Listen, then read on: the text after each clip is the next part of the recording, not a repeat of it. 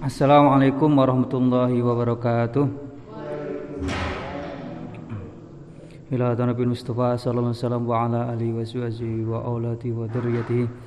Thumma ila hadrati walihi min al-anbiya'i wal mursalin wal awliya'i wasyuhada'i was salihin was sahabati wat tabi'in wal ulama'il amin wa nusalli fil mukhlisin wal jamil malaikatul muqarrabin khususan ila masyayikhina wa masyayikh masyayikhina wa asatidatina wa asatidati asatidatina wa khususan ila muallifi hadha kitab al-fatihah أعوذ بالله من الشيطان الرجيم بسم الله الرحمن الرحيم الحمد لله رب العالمين الرحمن الرحيم مالك يوم الدين إياك نعبد وإياك نستعين اهدنا الصراط المستقيم صراط الذين أنعمت عليهم غير المغضوب عليهم ولا الضالين آمين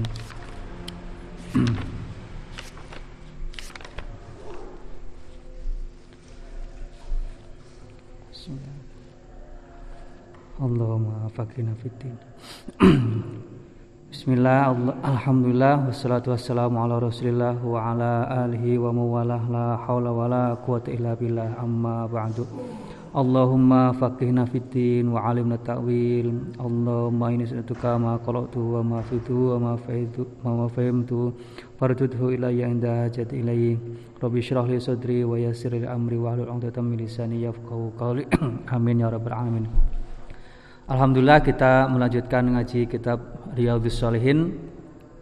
Kita melanjutkan uh, bab yakin dan tawakal ya. Babun fil yakini wat tawakkuli ya. Bab tentang yakin dan tawakal ya. Kita akan melanjutkan eh, hadis-hadis yang terkait dengan uh, yakin dan tawakal. Yakin artinya tidak ragu-ragu, ya. percaya sepenuhnya, tidak ragu-ragu dan tawakal artinya bersandar ya. E, menyerahkan. Bismillahirrahmanirrahim. As-sabi'u utawi hadis kang nomor pitu. Iku an Abi Umarota saking Abu Umaroh Al-Baro Al-Baro ibni Azibin Baro, Baro bin Azib radhiyallahu muga-muga ridho sapa Allah Gusti Allah. Anhuma saking Abu Umaroh Baro bin Azib Kala wis ngucap sapa Abu Umaroh Kala wis dawuh sapa Rasulullah sallallahu alaihi wasallam Ya fulanu he fulan. Ya fulanu he fulan Ida awaita Ida awat Ida awaita tatkalane manggon sapa sira lunga sapa sira ya mau tidur ini. Ida awaita tatkalane manggon sapa sira ya atau pergi ila ila firoshika ida awaita tatkalane manggon atau lunga sapa sira ila firoshika marang ranjange sira ya tempat tidur. Wahai fulan jika kamu mau tidur ya, ya jika sudah uh, ya mau menuju tempat tidur ya sudah mau tidur ini ya.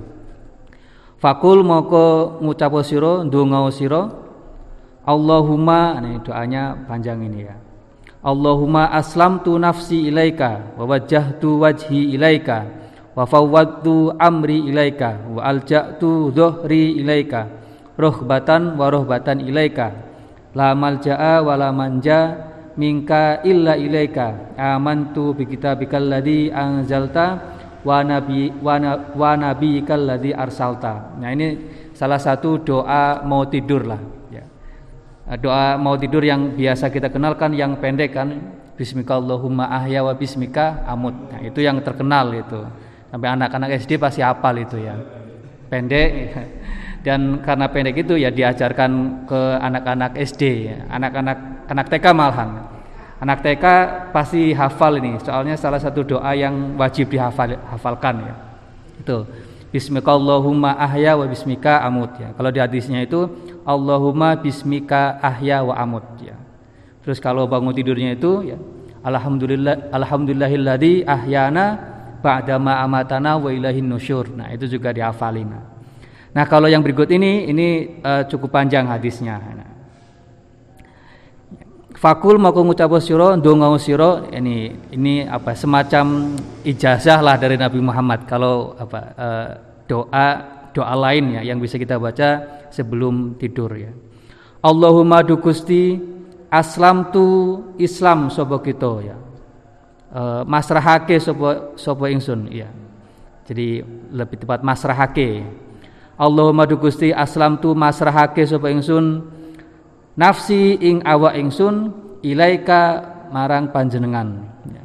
ini jadi e, mau tidur Allahumma aslam tu nafsi ilaika ya Allah saya pasrahkan diri saya kepada engkau karena tidur itu kan kondi, salah satu atau mungkin paling ya kondisi manusia paling lemahnya itu ketika tidur itu ya. Soalnya kan ya uh, semua organ kan nggak berfungsi ya. Ya. Otaknya juga mungkin ya terlelap gitu ya. Anggota tubuh nggak bisa ngapa-ngapain ya. Jadi ketika misalkan ada orang yang berbuat jahat gitu ya, yang nggak bisa ngapa-ngapain gitu ketika lagi tidur itu ya. Maka kita sebagai orang beriman ya karena kita percaya ada zat yang lebih besar ya maka ketika kita mau tidur diri kita tubuh kita ya itu dipasrahkan kepada zat yang uh, lebih besar itu yaitu Allah ya uh, ya agar saat tidur kita dijaga oleh hal-hal yang tidak kita inginkan gitu. Allahumma dukusti aslam tu masrahake sapa ingsun nafsi ing awak ingsun ilaika marang panjenengan. Wa tu lan madepake sapa ingsun wajhi ing wajah ingsun ilaika marang panjenengan. Jadi nafsi ini tadi tubuh gitu ya secara fisik wajah tu ini eh, menghadapkan secara spiritualnya ya. kita kan nggak bisa menghadap wajah kita ke Allah secara fisik ya maka yang dihadapkan itu bukan wajah kita uh, secara fisik tapi secara spiritual dan fisik kan. Kalau tadi nafsi secara fisik uh, saja. Kalau wajhi itu ya bukan cuma tubuh tapi juga secara spiritual juga di, dihadapkan kepada Allah. Nah, wafawatu lan sama ini sama aslam tu uh, apa masrahake sapa ingsun amri ing perkara ingsun ilaika marang panjenengan nah urusan saya ya uh, juga saya pasrahkan kepada Allah, serahkan kepada Allah gitu ya. Fawatu amri ilaika. Jadi siapa tahu kita tidur terus belapas gitu ya. Maka segala urusan kita yang yang pada saat kita hidup itu menjadi tanggung jawab kita, nah, seandainya saat tidur itu kita dicabut oleh Allah, maka kita sudah pasrah kepada Allah bahwa urusan saya ya Allah saya pasrahkan kepada panjenengan gitu ya. Wa fawwatu amri ilaika. Wa alja'tu lan nyender sapa ingsun zohri ing geger ingsun ilaika marang panjenengan. Nah, ini juga bahasa kiasan gitu ya. Saya menyadarkan bahu saya kepada Allah ya. Kayak kan kalau cara harfiah artinya kayak saya nyadar kayak gini kan Berarti ini di belakang saya Allah kan nggak mungkin seperti itu. Jadi ini bahasa bahasa kiasan. Jadi punggung ini kan apa? Bagian tubuh manusia yang paling ini kan paling besar gitu ya. Yang kerap di, di apa digunakan dalam percakapan itu sebagai eh, apa namanya ungkapan eh, beban gitu ya, yang menanggung beban ya, sebagai ya tulang punggung biasa gitu, tulang punggung ya. Tulang punggung keluarga ya. Itu kan istilahnya pakai punggung karena punggung itu bagian tubuh yang kalau buat ngangkat-ngangkat kan ya. Ngangkat beras beli beras yang 25 kilo ya, ditaruh sini. Orang jualan-jualan itu yang dipikul ya pakai ya, pakai bagian ini kan bagian geger itu ya jadi eh, ya Allah saya sandarkan bagian tubuh saya yang paling kuat ini kepada engkau ya Artinya eh, hal-hal yang menjadi urusan saya yang terbesar sampai yang terbesar itu saya serahkan kepada Allah kepada panjenengan gitu ya. Itu. Allahumma aslamtu nafsi ilaika wa wajjahtu wajhi ilaika wa fawwadtu amri ilaika wa alja'tu dhuhri ilaika gitu ya. Ya kayak saya ini kalau nyandar kayak ini kan ngerasa enak, ngerasa nyaman gitu kan. Ya, ya itu kiasannya seperti itu. Kalau kita Eh, ketika kita merasa dalam kondisi paling lemah dan dan kita sandarkan kepada yang lebih kuat kita kan merasa nyaman gitu ya merasa aman ya. Begitu juga kita kalau kita bersandar kepada Allah eh, kepada zat yang lebih besar, maka kita akan merasa aman. Jadi ini ungkapan apa pengakuan gitu ya, pengakuan secara spiritual kepada Allah bahwa kita ini lemah, bahwa kita perlu e, bersandar pasrah kepada Allah yang lebih kuat gitu. Wal jahlu wa al ja'tu dhuhri ilaika. Rohbatan rohbatan e, krono atau hal ya. Rohbatan hale ngarep ganjaran ya. Rohbatan hale ngarep ganjaran warohbatan lan e, wedi kalau rohbah itu mengharap pahala kalau roh kalau rohbah pakai hak itu e, apa berharap dijauhkan dari siksa kalau rohbatan itu berharap diberi pahala kalau rohbatan berharap dijauhkan dari siksa ya rohbatan warohbatan ilaika ya jadi tadi eh, doa-doa yang yang dibaca sebelumnya itu ketika kita memasrahkan diri eh, tubuh kita ya menghadapkan diri kita kepada Allah, memasrahkan kepada Allah, itu semuanya dalam rangka mengharap pahala dari Allah ya atau mengharap dijauhkan dari siksa Allah gitu. Rohbatan warohbatan ilaika. Nah, kenapa kenapa kita uh, pasrah sepenuhnya kepada Allah? Sebab la manjaa ora ono tempat berlindung iku maujud karena tidak ada tempat berlindung. Walaman jalan ora ono tempat e, aman. Tempat aman tempat selamat.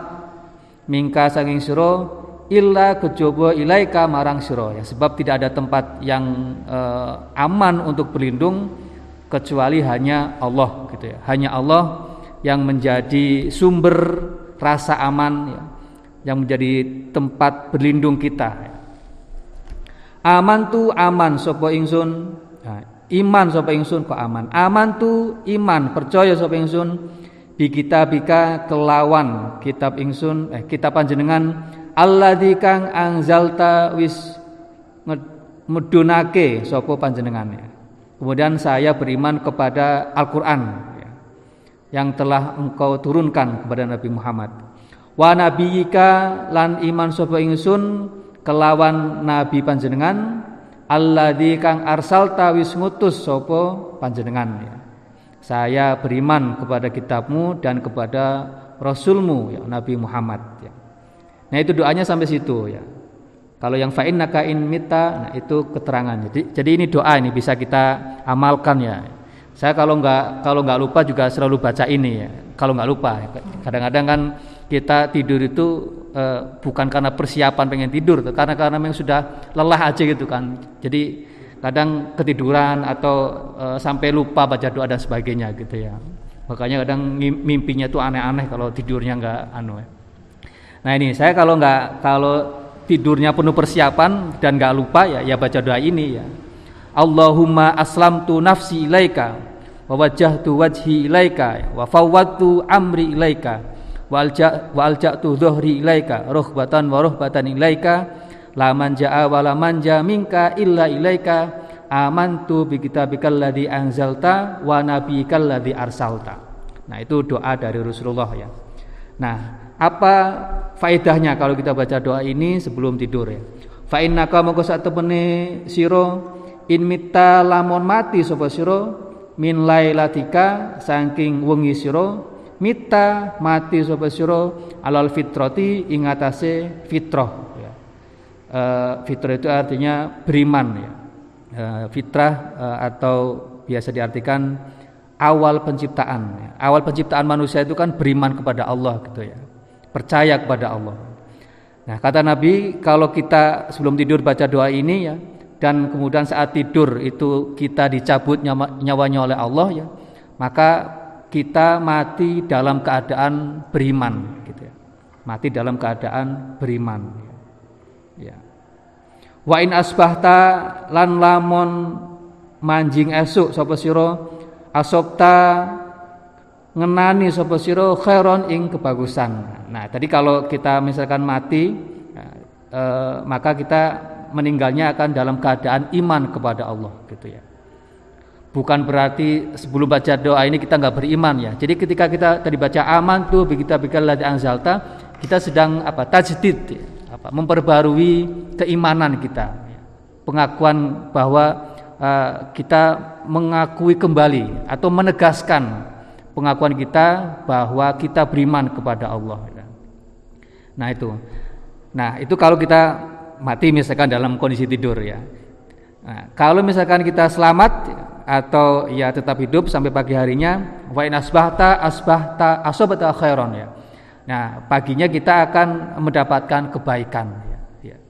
Paginya akan mendapatkan kebaikan ya. Kebaikannya ya bisa bisa bermacam-macam yang mungkin bagi setiap orang akan uh, dinilai berbeda-beda ya sesuai dengan uh, pandangan dia ya.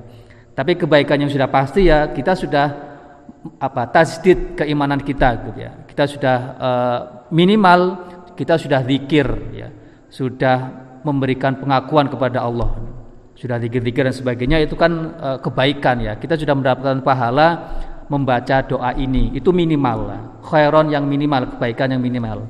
Kebaikan yang lain yang mungkin berkah berkah gitu ya. Kita pagi dalam kondisi bangun dalam kondisi segar gitu ya.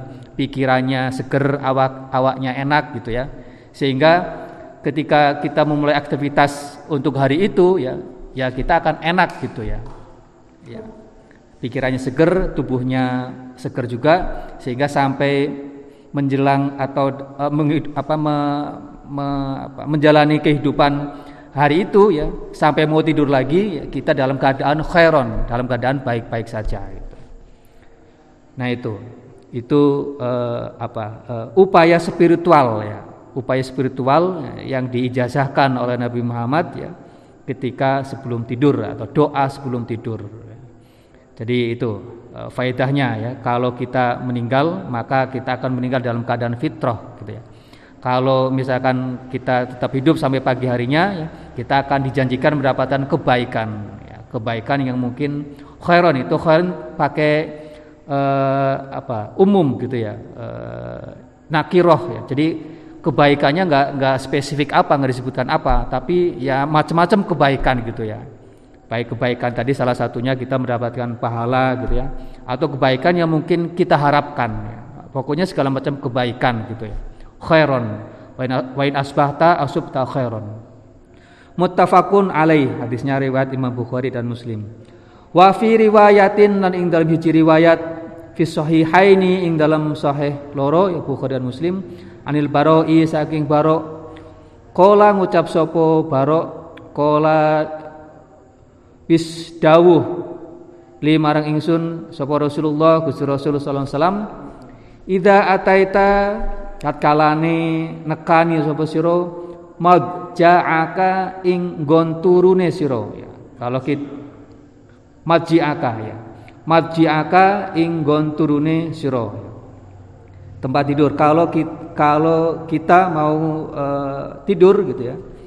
Fatawaddo mongko wudu siro wudu aka kelawan wudune siro lisolati marang solat nah ini juga tips dari Nabi yang mungkin sedikit orang yang mengamalkan ini ya jadi kalau mau tidur itu kita wudu dulu ya Ida ataita madji'aka fatawaddo wudu akali solati kalau mau tidur wudu dulu ya wudhu dulu. Nah, kira-kira praktekkan gak ini kalau mau tidur ini ya? Kita kan kalau sebelum tidur nonton sinetron dulu kan, kalau sudah ngantuk baru langsung tidur ya. Jadi tidurnya itu uh, diiringi dengan aktivitas-aktivitas yang yang bikin ngantuk gitu ya. itu bis itu malah bukan ngantuk malah malah begadang nanti gitu ya. Fatawadhu wudu akalis solati. Nah ini tipsnya ya karena wudhu itu kan apa mensucikan gitu ya mensucikan eh, apa kotoran-kotoran batin kan ya eh, hadas gitu ya sehingga diharapkan kalau kita mau tidur ya dalam kondisi suci gitu ya. Sumat toji it toji ya. sumat toji nuli apa? E, turu miring siro. Ala syikika ingatase sisine siro al al aimani kang kang apa? Tengen yang kanan ya. Nah ini juga tips dari Nabi kalau tidur itu eh, apa? Mepak, apa namanya? Miring ke kanan miring ke kanan ya. Nah tapi kalau tidur kita biasanya ngikuti kebiasaan ya. Enaknya madep ke mana itu biasanya tidur kita kayak gitu ya. Ada yang madep ke kanan ada yang ke kiri ada yang bolak balik dan sebagainya karena karena gerah karena pegel dan sebagainya gitu ya. Idza ataita madja'aka fatawaddu wudu'aka lis-sholati tsumma taji ala shikika al-aymani. Tapi minimal kalau kita misalkan mau mengikuti sunnah Nabi ya ya diawali dulu ya dengan menghadap ke kanan ya. Kalau terlepas nanti tidurnya molak-malik itu kan di bawah alam sadar kita karena namanya orang tidur kan nggak nggak bisa dikontrol ya. Nah itu jadi kalau mau tidur uh, wudhu dulu kemudian tidurnya madep uh, miring ke kanan. Nah, ini Semoga kita bisa mengamalkan gitu ya. Paling enggak ya kalau kadang-kadang ya nggak apa-apa ya. Kalau lebih baik ya setiap hari gitu ya. Idza ataita marjaka fatawaddu wudu akali salati tsumma taji ala shikika al aymani. Wa kullan ngucap sira wa zakara lan nuturake sapa nabi nahwahu ing sepadane doa. Nah, tadi eh, uh, yang hadis ini ada tambahannya ya. Tadi bukan cuma langsung tidur kemudian baca doa tadi gitu ya. Tapi juga wudhu dulu, kemudian madep miring ke kanan, kemudian baca baca doa doa yang tadi itu ya. Allahumma aslamtu nafsi ilaika wa wajhatu wajhi ilaika dan sebagainya dan seterusnya itu ya. Wakul wa dzakara wa dzakara nahwahu summa qala waj'alan dadiake sira hunna ing uh, doa-doa tadi itu akhiroma ing akhire uh, doa takulu kang dungo sopo siro nah, jadi tadi waj'alhunna akhiroma takul jadi kata Nabi doa yang tadi itu Allahumma aslamtu nafsi ilaika dan seterusnya itu jadikan kata-kata terakhir kita ya kata-kata terakhir uh, sebelum tidur maksudnya gitu ya ya sebelum tidur kalau misalkan Eh, kemudian wafat ya berarti memang itu kata-kata terakhir kehidupan kita ya. Kalau hidup berarti ya itu kata-kata terakhir sebelum tidur kita itu. Nah itu. Ya. Nah, jadi doa tadi itu kan berisi tentang uh, ketawakalan gitu ya, tentang yakin kepada Allah bahwa Allah itu zat yang mampu menjaga kita ya. Uh, kemudian kita pasrahkan kepada Allah yang yang memang maha penjaga itu ya. Nah, Makanya di sini masuk dalam bab tawakal. Karena memang isinya uh, tawakal tawakal, bab tawakal. Asaminu hadis kang nomor walu an Abi Bakrin saking Abu Bakar. Nah ini terkenal ya Abu Bakar Khalifah nah, yang pertama. An Abi Bakrin saking Abu Bakar As-Siddiqi Abu Bakar Siddiq ya. Radhiya muga-muga paring ridho sapa Allah Gusti Allah anhu saking Abu Bakar As-Siddiq jadi Abu Bakar dan Nabi Muhammad itu sahabat lama ya. Umurnya juga sepantaran lah, nggak jauh-jauh eh, nggak jauh-jauh selisihnya. Jadi Nabi Muhammad lebih tua dua tahun eh, dibanding Abu Bakar ya. Jadi sahabat lama ya mungkin dari remaja mungkin sudah sudah kenal ya. Karena karena memang eh, Abu Bakar dan Nabi Muhammad juga para sahabat lain ya Abu Bakar, Umar, Utsman, Ali dan mungkin juga komunitasnya itu kan memang satu satu mbah kan ya dari Bani Hashim gitu ya. Mungkin kayak kalau di sini ya eh, maksudnya bukan inilah bukan bukan orang pendatang gitu ya. Memang penduduk asli di situ ya. Keturunan Nabi Ibrahim, Nabi Ismail. Nabi Ismail kan eh, hidupnya kan eh, menjaga Mekah dan dan Ka'bah kan memang dari situ. Maka Nabi Muhammad juga eh, penduduk asli gitu ya. Maka orang-orang yang hidup di situ ya terjalin dalam satu ini, dalam satu embah gitu ya. Termasuk dengan Abu Bakar ini. Nah, tapi memang dengan Abu Bakar memang sudah kenal kenal lama ya, selisihnya dua tahun ya. Ketika Nabi Muhammad wafat gitu ya, e, ketika Nabi Muhammad wafat berarti umur umur Abu Bakar itu, nah meninggalnya sama, umurnya sama. Nabi Muhammad meninggal umur 63 tahun kan, Abu Bakar juga meninggal uh, usia 63 tahun, tapi Nabi Muhammad meninggal lebih dulu ya. ya. Dua tahun kemudian baru kemudian Abu Bakar nyusul Nabi Muhammad gitu ya. Jadi itu selisihnya enggak enggak enggak jauh gitu. An Abi Bakrin As-Siddiqi radhiyallahu anhu Abdullah rupanya Abdullah ibni Utsman ya. Abdullah bin Utsman Nah, nama aslinya Abdullah bin Utsman ini. Abu Bakar itu uh, julukannya ya. Kunyah istilahnya kalau dalam bahasa Arab. Abdullah bin Utsman Utsman ibni Amirin ibni Umaro ibni Ka'ab ibni Sa'd Sa'd ibni Taim ibni Murrata ibni Ka'ab ibni Lu'ayyin ibni Ghalibin al-Qurashi. Jadi ini uh, silsilahnya Abu Bakar ini.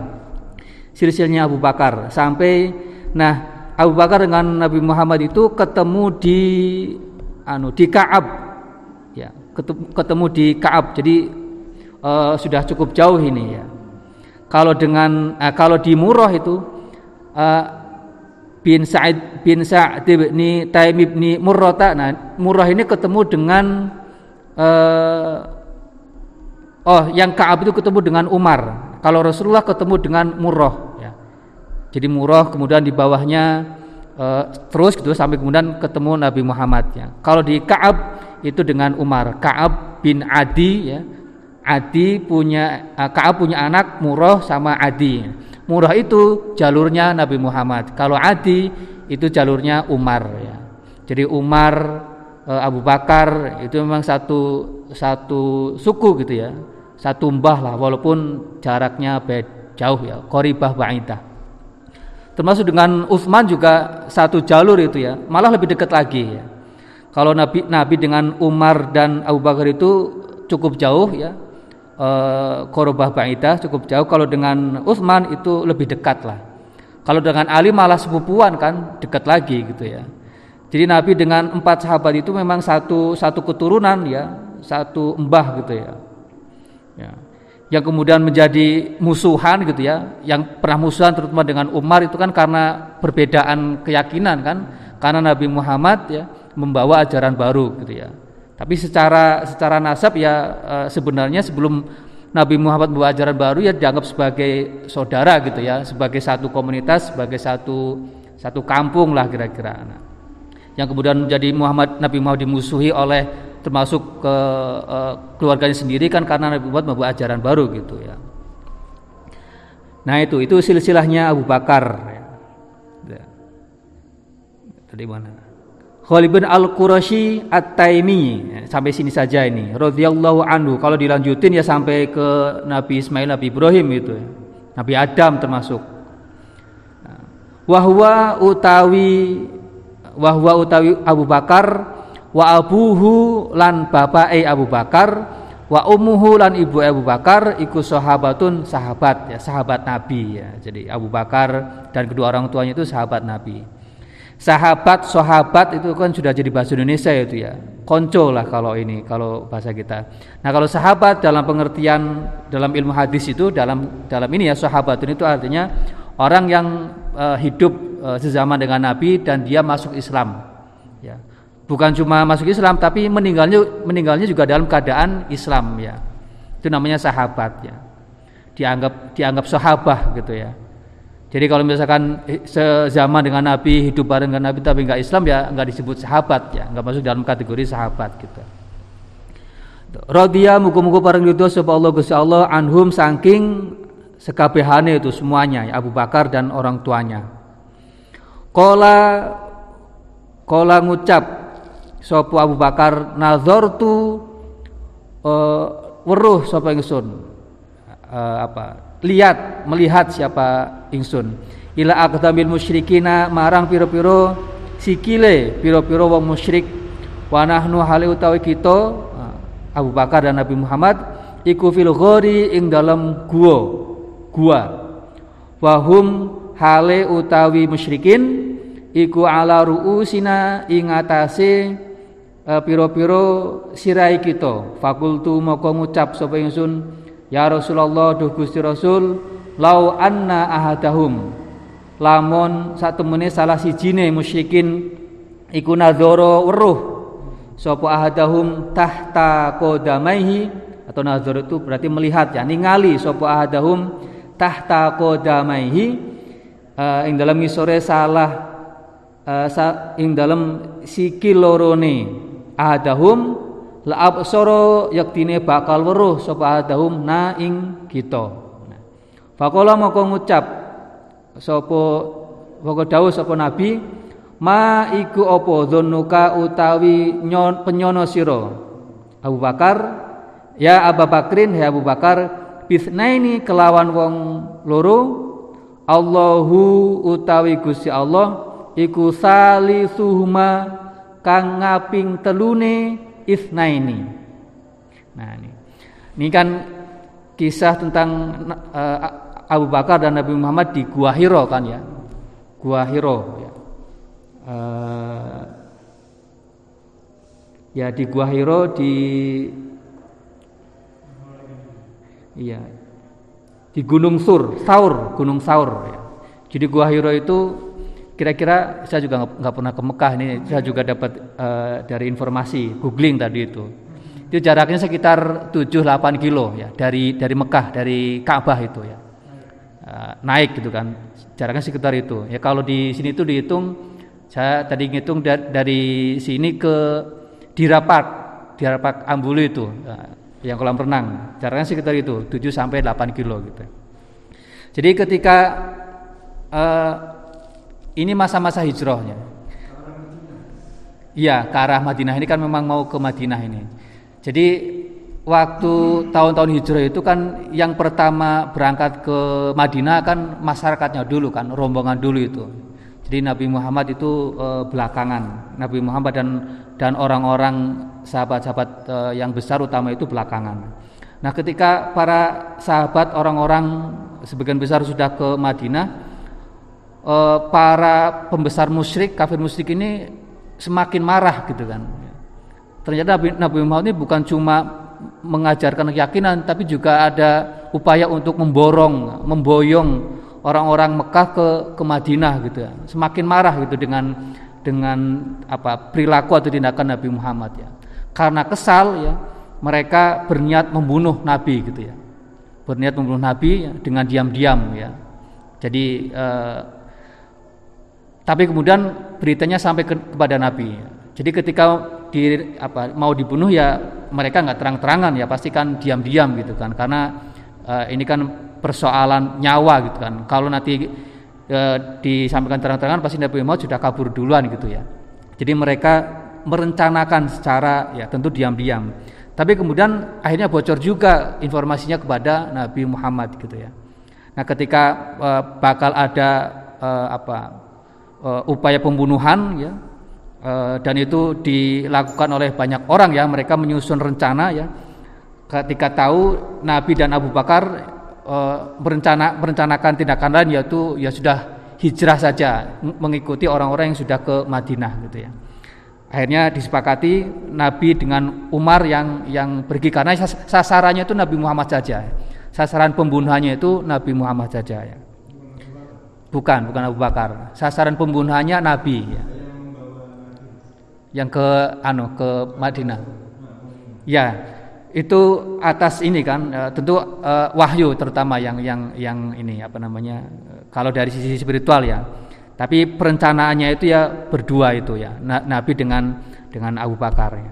Tapi kemudian uh, Abu Bakar yang banyak memberikan sokongan ya, memberikan dukungan-dukungan untuk bisa sukses sampai ke uh, Madinah. Akhirnya melakukan apa namanya rencana-rencana gitu ya. Jadi Nabi Muhammad juga apa punya daya intelijen tinggi. Jadi ketika sebelum Nabi hijrah bersama Abu Bakar itu sudah disusun rencana yang matang gitu ya. Jadi bukan cuma berdua saja, tapi Ali juga dilibatkan, keluarga Abu Bakar juga dilibatkan, uh, Abdullah putranya, kemudian Asma putranya, kemudian uh, apa mantan-mantan budaknya juga dilibatkan untuk e, bisa sukses ini Abu Bakar dan Nabi Muhammad hijrah secara diam-diam gitu ya. Nah, e, ketika malam yang ditentukan itu e, e, terjadi gitu ya, ketika mereka akan membunuh Nabi Muhammad pada malam tertentu ya, kan sudah bocor beritanya kepada Nabi, akhirnya dibikin rencana e, Nabi Muhammad e, perintah ke Ali untuk menempati tempat tidur Nabi Muhammad ya. Karena e, rencananya rencananya itu orang-orang musyrik akan mengepung rumah Nabi Muhammad dan akan dibunuh begitu Nabi Muhammad keluar. Jadi nggak di dalam rumahnya yang dibu yang apa apa, apa namanya upaya pembunuhnya bukan di dalam rumah tapi ketika Nabi Muhammad keluar baru akan dibunuh gitu ya. Tapi mungkin bisa jadi karena memang ada bocoran juga ya kepada orang-orang musyrik bahwa Nabi Muhammad mau jadi target pembunuhan dan Nabi Muhammad bakal kabur ke Madinah. Jadi akhirnya mereka mengepung rumah Nabi Muhammad dan Nabi Muhammad otomatis tahu gitu ya. Bukan direncanakan Ali kamu tempati tidur saya nanti biar orang-orang di luar ini yang uh, jadi urusan saya.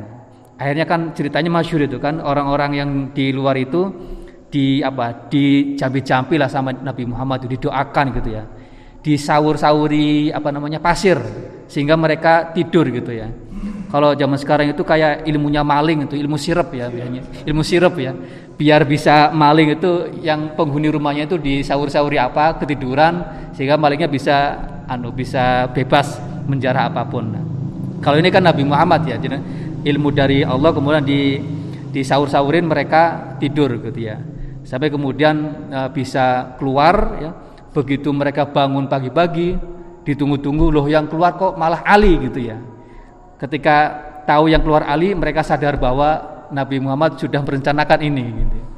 jadi uh, para pembunuh ini nggak akan membunuh selain apa hanya Nabi Muhammad yang jadi target ya jadi situ ada Ali ada saudara yang lain ya, nggak nggak bakal dibunuh karena memang targetnya cuma Nabi Muhammad ya. jadi ketika Ali keluar mereka sadar bahwa wah ternyata kita ini sudah sudah uh, dikelabui juga nah. Kontra intelijen Nabi Muhammad lebih lebih canggih gitu ya sehingga ketika paginya itu mereka bangun tidur malah Ali yang keluar ya. akhirnya ya sudah kejar-kejaran ya nah ketika uh, di rumah uh, sudah berhasil perencanaan berikutnya adalah bagaimana bisa sampai ke uh, gua Gua Hiro itu ya di Gunung Saur itu ya. E, Nabi Muhammad dengan Abu Bakar itu menyusun rencananya agar bisa sampai ke gua tersebut tanpa ketahuan. Ya. Caranya adalah ketika Nabi Muhammad sudah berangkat ke e, ke gua itu kan pasti kan ada jejak-jejaknya itu ya. Nah ada e, mantan budak Abu Bakar yang ditugaskan untuk menyapu jejak-jejak itu ya. Caranya dengan e, ngangon kambing lah ya ngangon kambing ya untuk menghapus jejak-jejak itu. Sehingga jejaknya itu kacau. Akhirnya kan banyak jejak gitu kan. Akhirnya nggak ketahuan ya sampai ke gunung tersebut gitu ya. Ini kan tentu yang perjalanan ini kan nggak diketahui. Rencana ini kan nggak diketahui oleh eh, orang-orang uh, musyrik itu kan ya. Tapi rencananya seperti itu. Nah ketika uh, Nabi Muhammad sudah sampai ke gua itu maka jejaknya dihapus oleh oleh uh, mantan budak itu dengan dengan seolah-olah mereka dia ini ngangon kambing ya tujuannya untuk menghapus jejak-jejaknya itu ya. Sekaligus bahwa perbekalan ya, perbekalan yang dibutuhkan ya, mungkin baju, mungkin apa dan sebagainya ya. Nah, sementara uh, salah satu putra Abu Bakar namanya Abdullah itu ditugaskan untuk uh, nguping kira-kira Eh, apa rencana berikutnya dari orang musyrik itu setelah gagal melakukan pembunuhan di rumah nah kira-kira apa gitu ya nah, uh, yang ditangkap oleh Abdullah ini kemudian disampaikan kepada uh, Nabi Muhammad dan Abu Bakar selama di gua Hiro tersebut. Nah, sementara putrinya Asma ini ditugaskan untuk uh, menyuplai makanan. Menyuplai makanan. Jadi yang menyuplai makanan itu tadi uh, Asma itu. Jadi ada tiga orang, empat ya termasuk Ali yang yang ikut membantu agar Nabi Muhammad dan Abu Bakar itu bisa lolos hijrah ke Madinah tadi. Jadi ada perencanaannya sangat matang sehingga nggak nggak diketahui sama sekali oleh e, pasukan musyrik ini orang-orang musyrik ini gitu ya. Tapi pada saat yang sama orang-orang musik, juga nggak ini kan nggak nggak nyerah kan ya. Gagal di di upaya pembunuhan akhirnya dicari gitu ya. Dicari sampai kemudian mereka sebenarnya hampir berhasil ya, ketika mereka sudah sampai di gua Hiro tersebut kan ya.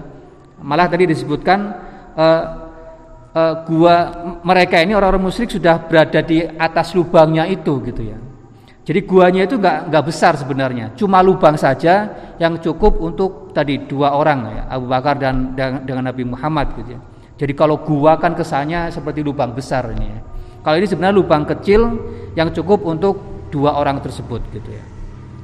Nah, ketika Nabi Muhammad sudah sampai di di situ ya, jejaknya sudah hampir ketahuan gitu ya. Mungkin karena Curikoko banyak jejak menuju ke satu titik ini gitu ya. Mereka akhirnya sampai ke sana.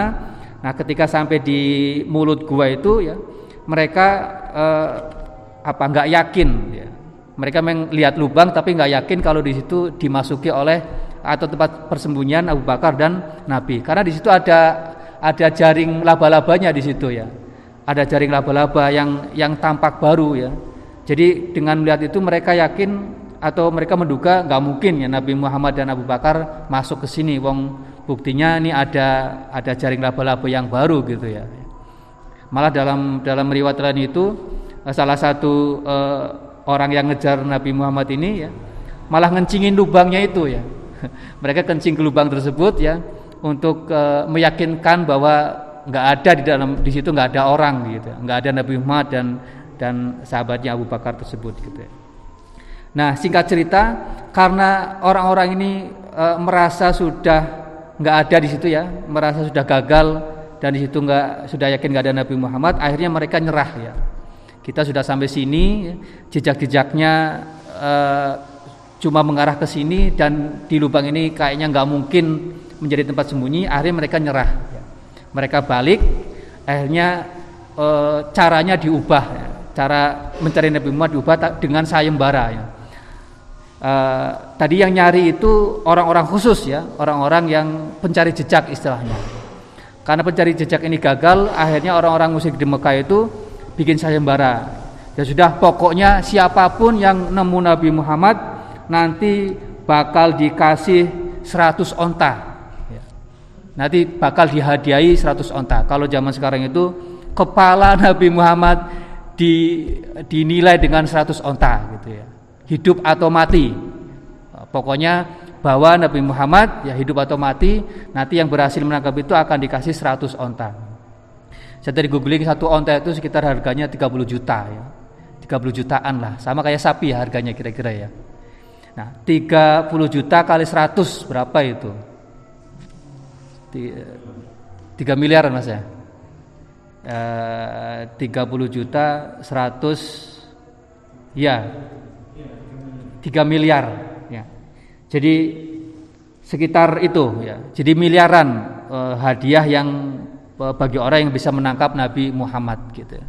Mereka gagal dengan upaya pencari jejak itu, akhirnya dibikin sayembara. Siapa yang bisa menangkap Nabi Muhammad hidup atau mati akan dikasih 100 onta.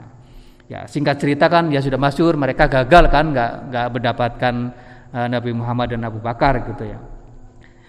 Sampai kemudian Nabi Muhammad dan Abu Bakar itu tiga hari di di gua tersebut ya, di gua Hiro ya, di gua apa gunung gunung Sur ya, gunung Saur istilahnya itu ya. Tiga hari di situ ya, tiga tiga hari. Nah ketika tadi ceritanya uh, ketika Abu Bakar lihat gitu ya, uh, sudah sangat dekat ya, karena Abu Bakar uh, dengar ada orang ngomong di atas itu sebenarnya nggak kelihatan langsung ya tapi dengar omong-omong gitu mereka ngomong suaranya kedengaran oleh uh, Abu Bakar. Abu Bakar ini khawatir ya, tadi itu ya ma apa tadi? Lau an ahadum nadoro tahta la absorona ya. Kalau mereka apa namanya nengok ke bawah saja mereka pasti lihat kita. Abu Bakar khawatir bukan khawatir takut ya. Khawatir uh, nanti Nabi Muhammad ketahuan dan dibunuh gitu ya Kata Abu Bakar, kalau yang dibunuh saya sih nggak apa-apa. Saya ini kan siapa gitu kan, cuma satu orang. Tapi kalau yang dibunuh Nabi Muhammad, yang mati, yang wafat bukan cuma Nabi Muhammad, tapi umat. Umatnya bakal e, bakal goyah gitu kan. Karena kan pada masa itu kan Islam masih belum mapan kan ya. Masih pada masa-masa mau hijrah malahan ya. Kalau pemimpinnya dibunuh sudah nggak ada, sudah pasti akan kacau balau ini umat ini ya. Akan akan berantakan ya. ya. Kalau pemimpinnya dibunuh nah. Yang dikhawatirkan Abu Bakar cuma itu ya. ya. Khawatir ditangkap, Nabi Muhammad dibunuh dan umat akan berantakan, akan kacau balau. Islam tidak akan uh, uh, tidak akan kuat ya. Wong itu kan masih lemah saat itu kondisinya. Ya. Itu yang dikhawatirkan oleh oleh Abu Bakar cuma itu ya. Maka ketika apa eh, Abu Bakar khawatir seperti itu ya, Nabi Muhammad apa ngeneng-ngenengi ya, menenangkan ya. Ma dzannuka ya Abu Bakrin bisnaini Allahu salisuhuma. Abu Bakar, memangnya kalau kita berdua ini siapa lagi yang ketiga kalau bukan Allah gitu ya. Jadi diyakinkan, diyakinkan bahwa ada Allah yang menjaga mereka berdua dan kemudian pasrah kepada kepada Allah. Karena memang nggak ada nggak ada nggak ada upaya lagi nih ya kalau ngelawan ya pasti kalah ya. Kemungkinan ya secara logika pasti kalah karena yang ngejar kan banyak dan mereka bawa senjata. Abu Bakar dan Abu Bakar dan Nabi nggak bawa senjata ya, cuma bawa bawa tubuh saja gitu ya. Jadi kalau mereka kemudian frontal kemungkinan kalah ya. Maka mereka cuma bisa yakin kepada Allah dan tawakal kepada Allah. Allahu thalithuhuma. Kalau di eh, kalau di Al-Qur'annya kan yang uh, la tahzan innallaha ma'ana gitu kan. Ya. Ma fil ghori idz yaqulu li sahibihi la tahzan innallaha ma'ana. Ya, Abu Bakar jangan takut ya Allah bersama kita ya ya. Salithuma ya Allahu salithuhuma nah itu. Jadi Abu Bakar diyakinkan ya eh, bahwa kalau kita yakin kepada Allah dan tawakal kepada Allah maka Allah menjadi yang ketiga yang menjaga kita berdua kata Nabi gitu ya. Nah itu. Nah itu cerita hijrah ya, yang kemudian menjadi titik-titik hijrah kan, uh, hijrah Nabi ya, ke Madinah. Nah, ini sebentar lagi nih ya momen hijrah kan bulan Muharram kan. Nah, sekarang sudah Hijjah sudah akhir-akhir ini. Ya. Muharram suro istilahnya. Ya, suro. Ya. Jadi uh, ya bulan Muharram, bulan Muharram atau Syuro ya. Makanya Muharram uh, disebut dengan Ashur, Ashurul Hurum ya, bulan haram. Muharram, Syuro, kemudian sekarang nih Hijjah, kemudian sebelumnya Qa'dah itu itu namanya Ashurul Hurum. Kemudian ada bulan Rajab, bulan Rejab ya, itu namanya Ashurul Hurum, bulan-bulan haram ya. Haram haram berperang. Nah, itu nanti Semoga ada pembahasan khusus tentang itu ya. Bulan-bulan haram itu ceritanya lumayan menarik, menarik dan panjang soalnya itu. Ya. Wassalamualaikum warahmatullahi wabarakatuh.